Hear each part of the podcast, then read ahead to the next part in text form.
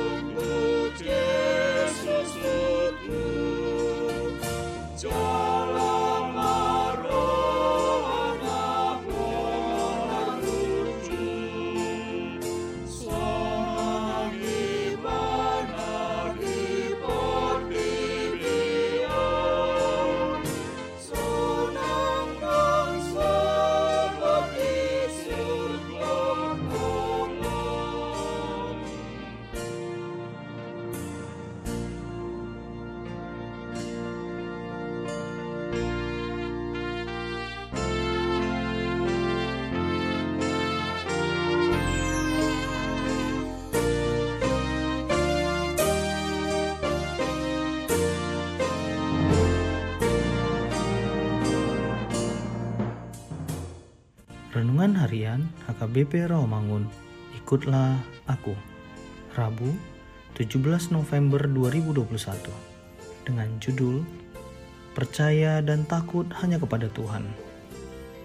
Bacaan untuk kita pada pagi hari tertulis dalam Zakaria 12 ayat 1 sampai 13 dan bacaan kita pada malam hari tertulis dalam Markus 13 ayat 9 sampai 23.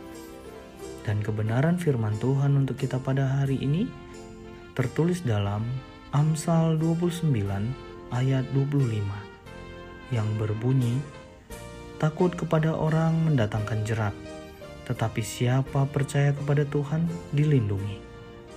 Demikian firman Tuhan. Takut akan Tuhan adalah hal mutlak yang harus dimiliki oleh setiap orang yang mengaku diri sebagai pengikut Tuhan Yesus Kristus. Wujud sikap takut akan Tuhan adalah taat melakukan kehendaknya. Sebagaimana Tuhan Yesus telah memberikan teladan bagaimana dia taat melakukan kehendak Bapaknya, bahkan taat sampai mati di kayu salib. Kekristenan tanpa memiliki rasa takut akan Tuhan adalah sia-sia. Saat ini, banyak orang lebih cenderung memilih takut kepada manusia karena alasan ekonomi, pekerjaan, jabatan, dan kekuasaan. Situasi yang sulit mencari nafkah, takut dipecat dari pekerjaan, tidak naik jabatan, atau yang lainnya.